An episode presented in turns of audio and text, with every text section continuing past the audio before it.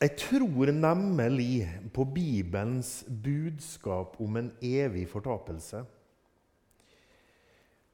Og det er vel kanskje det som skaper mest bekymring i mitt hjerte. Ikke for min egen del, fordi jeg, vet at jeg kjenner Jesus. Men det bekymrer meg at det er så mange som ikke kjenner Jesus. Og så er det en annen bekymring i det, og det er det at um, det er så mange som bygger på så mange forskjellige grunnvoller. Og det er også bekymra meg, fordi at Johannes skriver i sitt første brev, i kapittel 3 og vers 7, så sier han Mine barn, la ingen forføre dere. Og det bekymrer meg òg. Fordi at det er et voldsomt press av alle mulige meninger og påstander om vår Herre Gud og Jesus og Den hellige ånd. Derfor så kjente jeg så veldig sterkt det at eh, jeg ville dele med dere grunnvollen, grunnmuren, i det som vi tror på. Og nå er det jo slik at altså, Man kan jo påstå så mange ting, og det er ikke så veldig mange som går til kilden for å sjekke om det er sant. Jeg kan jo gjerne stå her nå og påstå det at um, Erlend han egentlig, innerst inne, så elsker han Bodø mye mer enn Bergen. Egentlig så heier han på Bodø-Glimt, og han har ei drakt gjemt i skapet hjemme. Er det sant? Hvordan skal vi finne ut av det? Vi kan selvfølgelig sjekke undersøkelser om eh, menn i Erlend sin alder, hva som er sannsynlig at de eh, tenker og tror om Bodø-Glimt. Vi kan spørre mange av hans venner. Men hvorfor ikke gå rett til kilden? Og så spør Erlend stemmer det dette her. Og Det er litt sånn med Guds ord, opplever jeg, og med grunnvollen vår, at det er så mange som går alle andre plasser for å sjekke ut og spørre. Så da skrider vi til verket. Jeg har lyst til å si litt om dette her. I dag inspirert av en åpning på Hetlevik bedehus på torsdag. Vi må være grunnfesta. Da begynner vi med eh, Efesebrevet 2. Og eh, vi skal bruke det bildet som Bibelen bruker, for Bibelen bruker mange flotte og gode bilder. Og her er et flott bilde som Bibelen forsøker å forklare oss dette her med. Så er dere da ikke lenger fremmede og utlendinger men dere er de helliges medborgere og Guds husfolk. Så han snakker her til de som er gjenfødte, frelste mennesker. Og så står det 'bygd opp på'. Disse frelste mennesker er bygd opp på apostlenes og profetenes grunnvoll. Og hjørnesteinen er Kristus Jesus selv. Ja vel? Hva betyr det? Han forsøker å gi oss et bilde her. I ham blir hele bygningen. Jaså? Så det er et byggverk altså han snakker om? Hele bygningen blir føyd sammen og vokser til et hellig tempel i Herren. Og i ham blir også dere sammen med de andre bygd opp til en Guds bolig i ånden. Ok, Så Gud han bruker et bilde av et byggverk med en grunnmur, en grunnvoll, en hjørnestein og et byggverk. Og siden jeg er ingeniør, så har jeg det med å tegne litt og fortelle litt. Og det skal jeg gjøre i dag òg. Her har vi eh, et sted hvor vi da ønsker å bygge et hus. Og eh, skal vi forstå både hjørnestein og grunnvollen og grunnmuren og det å bygge et hus, så må vi forstå litt hvordan et hus bygges. Og i alle fall sånn som det bygdes på Jesu tid. Først Så ble det lagt en hovedhjørnestein. For Når man skal bygge et hus som blir noenlunde riktig plassert og riktig eh, dimensjonert, så må du ha på en måte ett punkt som du tar alle mål ut ifra. Skal du bygge garasjen din, så må du gjerne finne ut av fire meter fra nabogrensa, og så må du finne ut av hvor dette ene hjørnet skal stå hen, og så bygger du huset ut derfra. Hovedhjørnestein. Og Da skjønner du det at dette her er en meget viktig stein som blir lagt først, som på en måte staker ut kursen og er bestemmende for alt det andre. Vi leste om kam hovedhjørnesteinen er i det verset vi leste. Så leste vi videre om at vi skulle være bygd opp på profetenes lære. Det som vi gjerne kaller Det gamle testamentet. Vi skal bygge på profetenes lære og på apostlenes lære. Og da er grunnmuren ferdig, folkens. Og den grunnmuren den har vi her. Her har vi apostlenes og profetenes lære. Og vi har hjørnesteinen sjøl, som er Jesus. Dette er grunnvollen og så leste vi videre i verset vårt at her bygges det med mange små steiner. Levende steiner. Bygges til et byggverk, til et tempel for Herren. Du og jeg er en av disse steinene som Gud bygger sitt hus her i denne verden.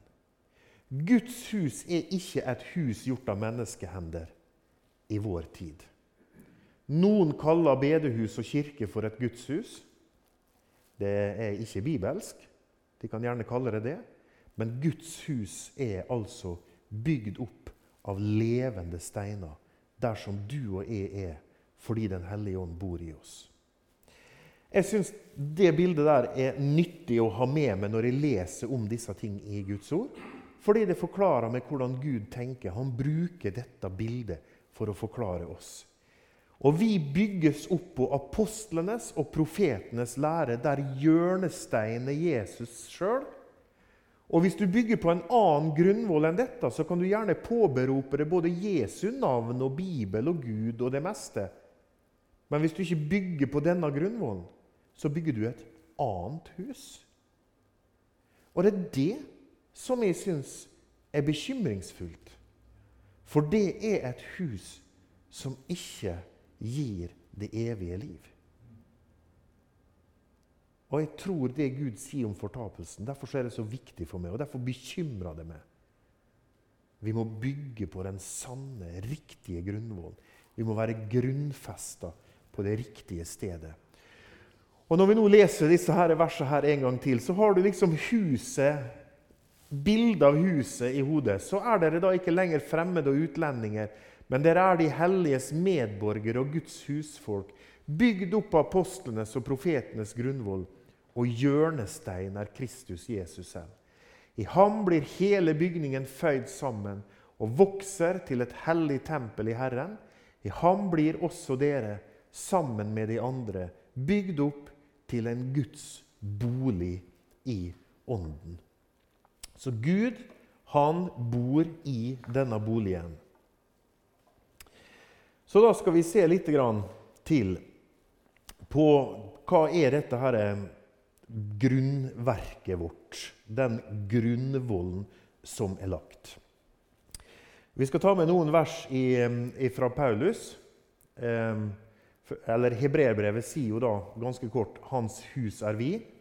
Og så skal vi se på noen vers fra Paulus eh, som også leder oss på det samme sporet.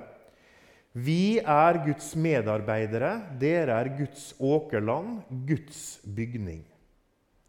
Så det er vi ikke et byggverk av mennesker, som er altså lagd av mennesker, men det er vi som hører han til, som er hans hus.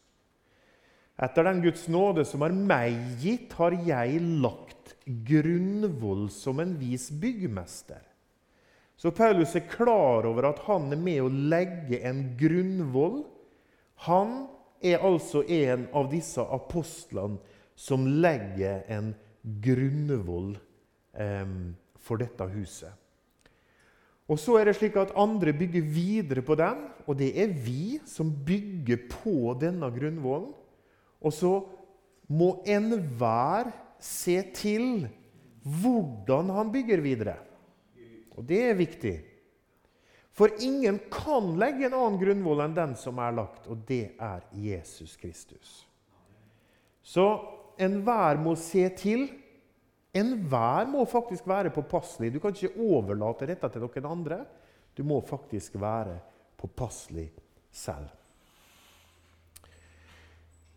Derfor sier Herren, Herren, se, jeg har lagt i Sion en grunnstein en prøvet stein, en kostbar og fast hjørnestein. Og det er Jesus, som er vår hjørnestein. En fast og prøvet stein. Han er testa. Han er funnet ut til å være perfekt til dette formålet. Denne vår Jesus. Så skal vi se litt på hvordan er det Jesus behandler eh, grunnvollen, profetenes lære? Og Det syns jeg er viktig, fordi jeg ønsker å ha det samme forholdet til, til grunnvollen som det Jesus har. Og eh, Du vet når han blir frista i ørken, så leser vi om det her i Matteus 4. Han blir frista tre ganger og her finner du svara til Jesus.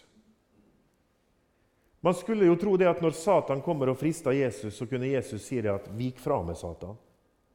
For Jesus har jo all makt i himmel og på jord. Har han ikke det? Men hva er det Jesus gjør? Jesus veit hvor enorm kraft og makt det er i Guds eget ord som er skrevet. Og disse tre svarene som Jesus har her, det er henta fra 5. Mosebok. Han siterer 5. Mosebok. Og så må Satan bare gå sin vei. For Guds ord står fast. Altså Når Jesus sjøl har et sånt forhold til det profetiske ord, så vil jeg også ha et sånt forhold til det ordet. Det er nyttig. Det er nyttig å lære seg Guds ord og ha det i minnet og ha det i tanken. Jesus siterte utenat. Det er nyttig å ha det med mot djevelens angrep. Og så syns jeg dette her er litt fascinerende. Her kunne vi sikkert ha samla mer, men bare i full fart. Hva er det Jesus sier når han får spørsmål? Han får spørsmål fra fariseere, fra sadukere, fra skriftlærde han får spørsmål fra disipler. Og så svarer Jesus nesten litt sånn oppgitt enkelte ganger. Har dere ikke da lest? Har dere ikke lest? Og så sier han faktisk, har dere da ikke lest det som er talt til dere av Gud? Og så siterer han Skriften. Så Jesus mener at det er Gud som har talt når han siterer Det gamle testamentet. Har dere ikke lest hva David gjorde? Eller har dere ikke lest i loven? Har dere ikke lest at han som skapte dem? Har dere aldri lest i Skriftene? oi, oi, oi. Har dere ikke lest dette i Skriften? Av og til så føler jeg nesten at jeg må svare dette jeg også på en del spørsmål. Jeg, jeg, jeg blir nesten sjokkert. Hjelpe meg. Har du ikke lest, tenker jeg. Har du virkelig ikke lest? Lukas 17. Hva er det Jesus sier her? Slik som det var i Noas dager, slik skal det være i menneskesønnens dager, sier Jesus. Så Jesus trodde på Noah. Han trodde at Noah hadde levd. Tenk på det. Og Så forklarer han at det var på en spesiell måte i Noas dager. De åt og de drakk, og de tok det ekte og ble gitt det ekte, like til den dagen da Noah gikk inn i arken. Så Jesus han forklarer at det var på en spesiell måte på Noah sin tid ja, da er jo ikke dette her et, et eventyr. Han tror at det har skjedd. Så kom vannflommen og ødela dem alle, sier Jesus. Jeg tror på Jesus. På samme vis slik som det var i Lots dager. Jaha, så han tror på Lot. De åt og de drakk, og de kjøpte og de solgte og de plantet og de bygde. Og den dagen da Lot gikk ut av Sodoma, lot Gud det regne ild og svovel fra himmelen og ødela dem alle. Slik skal det også være på den dagen menneskesønnen åpenbares. Jesus er grunnfesta i Skriften. Og vi tar med Lukas 4 om Elias. Sannelig sier jeg dere, det var mange enker i Israel i Elias' dager. Han tror på Elias, at han har levd. Den gangen himmelen var lukket i tre år og seks måneder. Så himmelen var altså lukka i tre år og seks måneder. Det er ikke bare en gammeltestamentlig oppdikta historie. Men det er sant. Det skjedde. Det regna ikke i tre år og seks måneder. Og han tror på Sareptas krukke, og han tror på Elisha, og han tror på at Naaman ble rensa. Dette forholdet har Jesus til profetene i Det gamle testamentet. Det forholdet har jeg lyst til å ha til Bibelen. Han tror på skapelsen. Har dere ikke lest at han som skapte dem fra begynnelsen, skapte dem til mann og kvinne? Har dere ikke lest det? Hvorfor spør dere egentlig? Og det er ekstremt mange som spør i dag. Dette her er ikke bare på Jesu tid, men det er mange som spør i dag. Har dere ikke lest at Han som skapte dem, fra begynnelsen skapte dem til mann og kvinne? Jeg tror på Jesus. Derfor så tror jeg også på det. Og Han sier faktisk også i Markus 10 at fra skapningens begynnelse gjorde Gud dem til mann og kvinne. Så det hadde ikke gått millioner av år når han skapte dem til mann og kvinne. Men det var helt i skapningens begynnelse. Er ikke det spesielt? Det tror Jesus. Det tror jeg òg.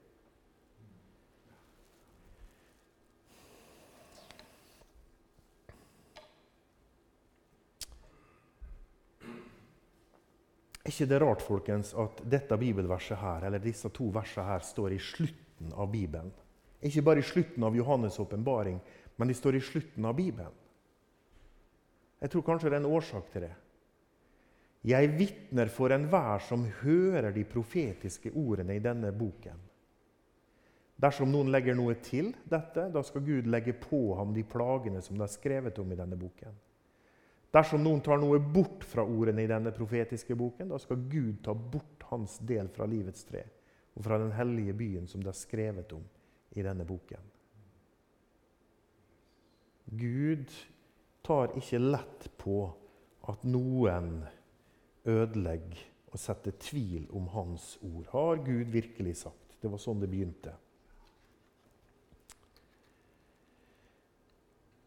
Bibelen har òg mange altså, eh, advarsler til oss. Han, han, ber oss passe på at vi er grunnfesta som som jeg, sa til å begynne med her. Og Johannes han, han sier jo det. 'Mine barn, pass på så ingen forfører dere'.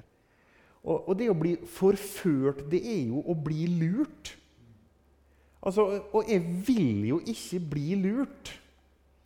Eh, altså, det kan jo være gøy å bli lurt av ungene sine av og til, og litt sånn på gøy.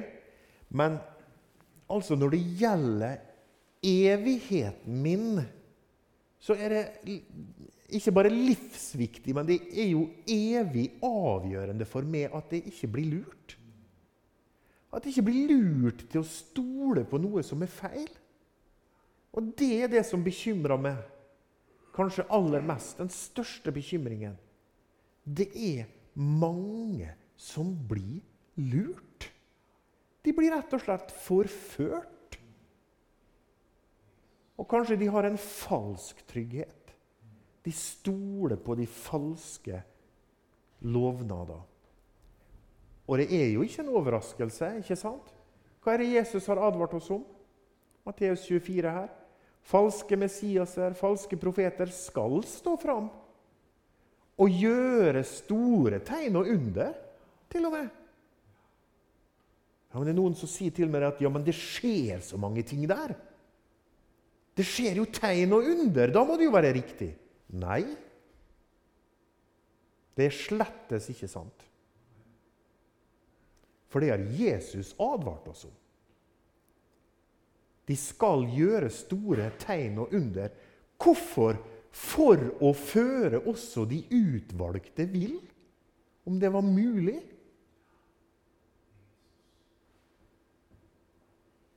Så det er altså kjempeviktig at vi er grunnfesta i sannheten. Vokt dere for de falske profetene. Så det, det er på en måte Det er ikke tøys at vi bruker tid på bibeltimer og bibelundervisning og, og, og bruker tid på Guds ord. Og blir grunnfesta. Fordi han sier jo det at du må være på vakt. Det er noen som sier til meg at ja, men Jon Roger, du er av og til så skeptisk. Du har nok en skeptisk ånd. Ja, det tror jeg at jeg har. Og det er Guds ånd. Det står ikke noe advarsel om å ha en skeptisk ånd. Tvert imot så sier han det til, til de i Berøa, i apostlenes gjerninger, at de var av et edlere sinn. Fordi de var litt skeptiske. De tok imot med god vilje, ikke sant? men så gikk de hjem og sjekka om det sto i Bibelen. Ja. Det er lurt. Det er veldig lurt. Altså Disse her falske profetene de kommer til dere i fåreham. De ser så bra ut, kanskje med tegn og under. Men de er der bare for å lure deg. Hvem er det som står bak dem? Det er jo Satan. Det er jo han som er forføreren. Det er han som kan vinne på å forføre noen bort ifra det sanne, evige liv. Det bekymrer meg. Han snakka da til eh, eh, menigheten i Efesus. 'Jeg vet om dine gjerninger og ditt arbeid og din utholdenhet,' 'og at du ikke kan tåle de onde.' Og du har prøvd dem som kaller seg selv apostler. Ja, Det var vel da, for 2000 år siden? Nei. De finner du i dag òg. De står frem og påberoper seg å være apostler. De krever at alle lytter til dem som apostler, og de sier at de er apostler og taler direkte fra Gud. Du har prøvd dem som kaller seg selv apostler og ikke er det, og du har funnet ut at de er løgnere. Det må vi passe på, folkens. Og Paulus advarer også i 2. Korinterbrev disse er falske apostler, svikefulle arbeidere som skaper seg om til Kristi apostler. Det ser tiltalende ut. Og det kan altså være 90% sannhet. Men så er det altså noe falskt som er ødeleggende. Og Jesus svarte og sa, Se til at ingen fører dere vil, for det mange skal komme i mitt navn og si, Jeg er Messias, og de skal føre mange vil.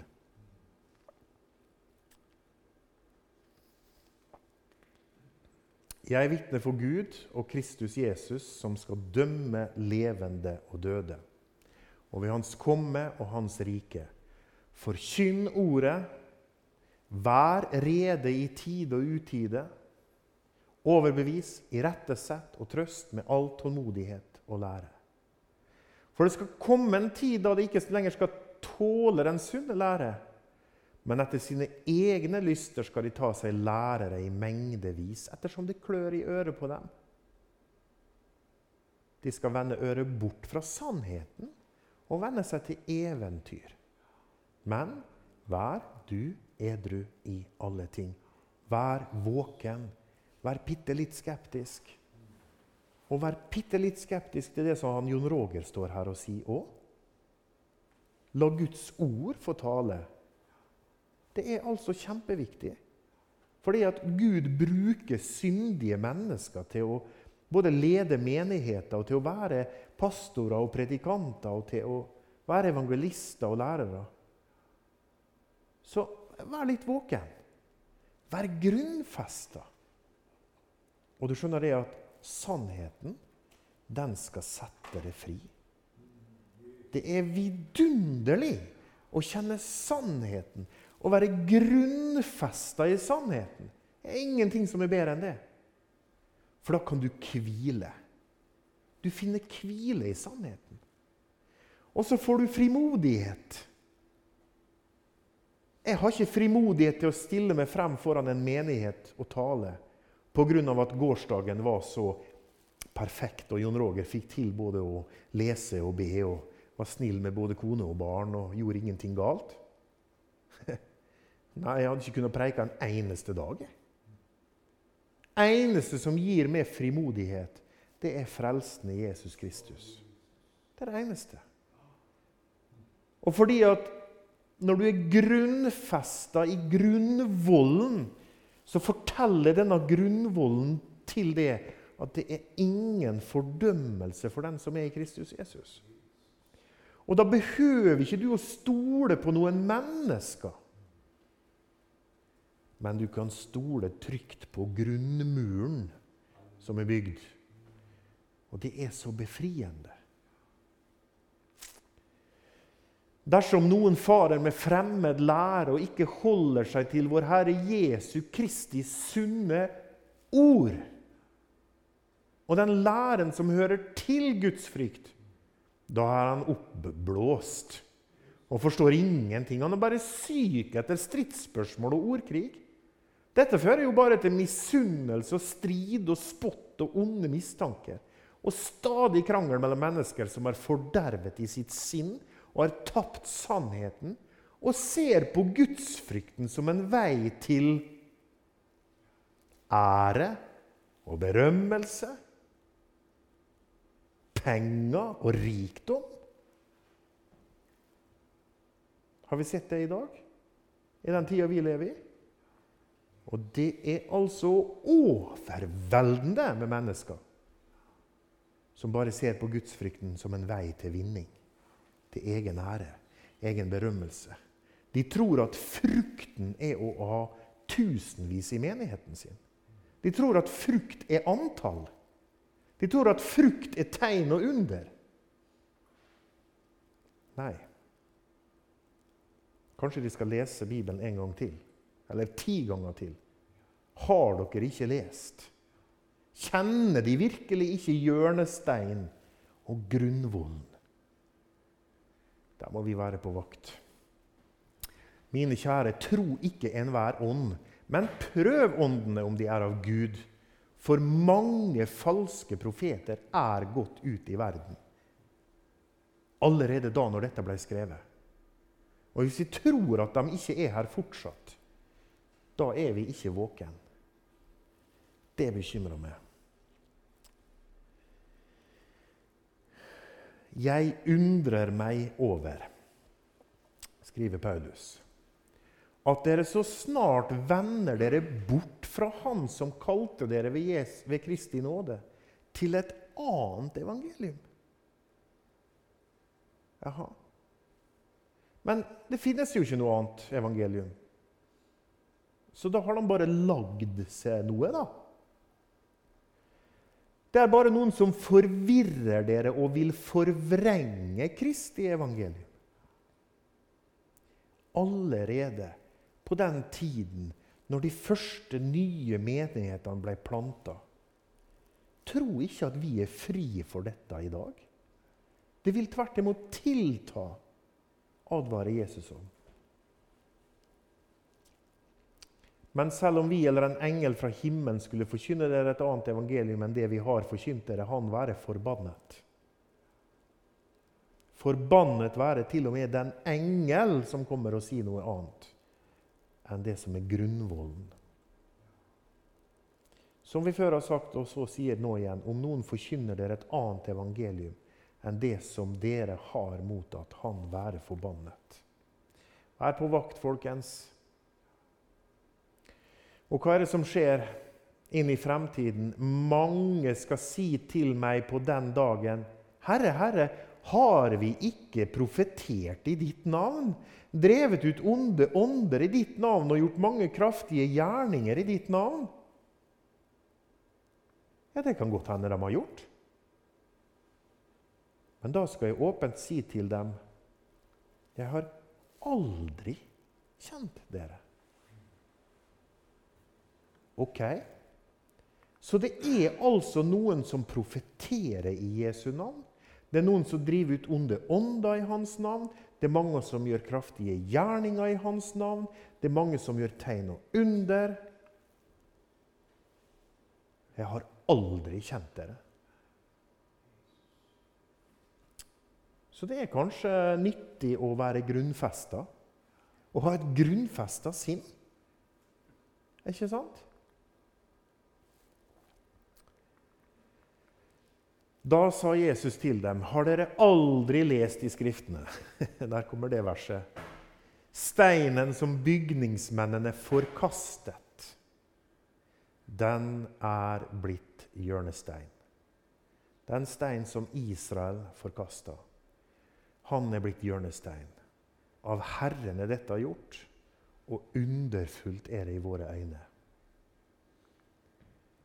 Og til slutt Kom til ham, den levende stein, som vel ble vraket av mennesker, men er utvalgt og dyrebar for Gud. Han er altså hjørnestein, Jesus.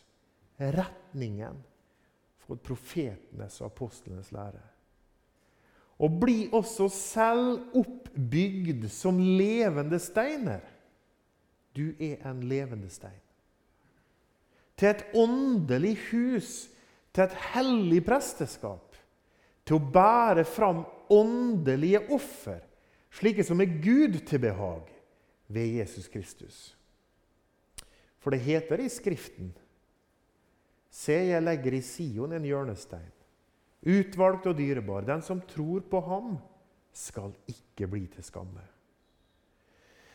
Æren tilhører altså dere som tror, men fordi vantro er den steinen som bygningsmennene forkastet, blitt til hjørnestein og snublestein og anstøtsklippe.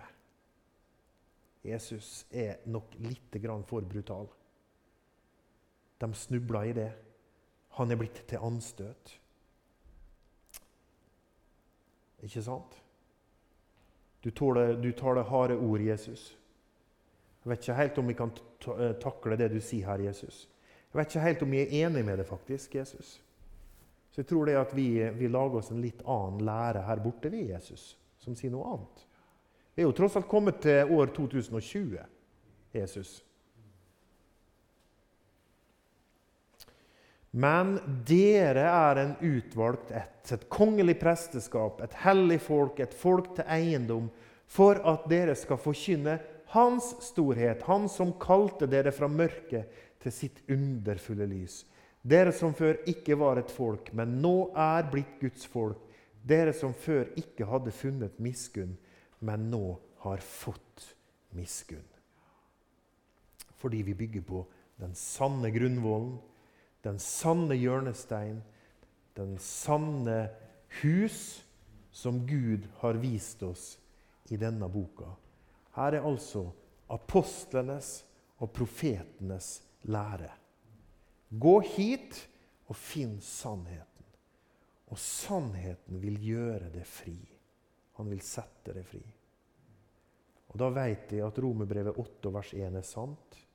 Det er ingen fordømmelse for den som er i Kristus Jesus. Fordi det, det, er, altså, det er en del av grunnmuren vår, og den står fast.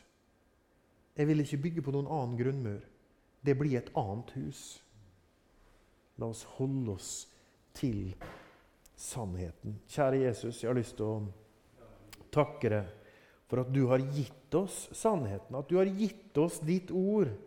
At du har altså åpenbart det for oss i ditt ord. Og kjære Jesus, det bekymrer meg at det er så mange som tilpasser det, Jesus. Lage en gøy Jesus, en kjekk Jesus. En Jesus som er bare god og humørfylt. og Kjære Jesus, hjelp oss til å forholde oss til Bibelens Gud. Hjelp oss til å forholde oss til Abrahams og Isaks og Jakobs Gud. Hjelp oss til å forholde oss til at du taler åpent om dom, evig død og fortapelse. Du taler om frelse fullkomment i ditt navn, ved ditt blod og ved ditt kors, Jesus. Hjelp oss til å holde oss til sannheten og ikke la oss forføre Jesus av ting som ser ut som det glimrer av himmel, men som ikke er det. Kjære Jesus, gjør oss til trygge og grunnfesta og solide kristne som kjemper for din sannhet, Jesus. Sannheten tro er kjærlighet. Takk for den friheten og freden og gleden og frimodigheten som det gir å være grunnfesta på din grunnmur, Jesus. Amen.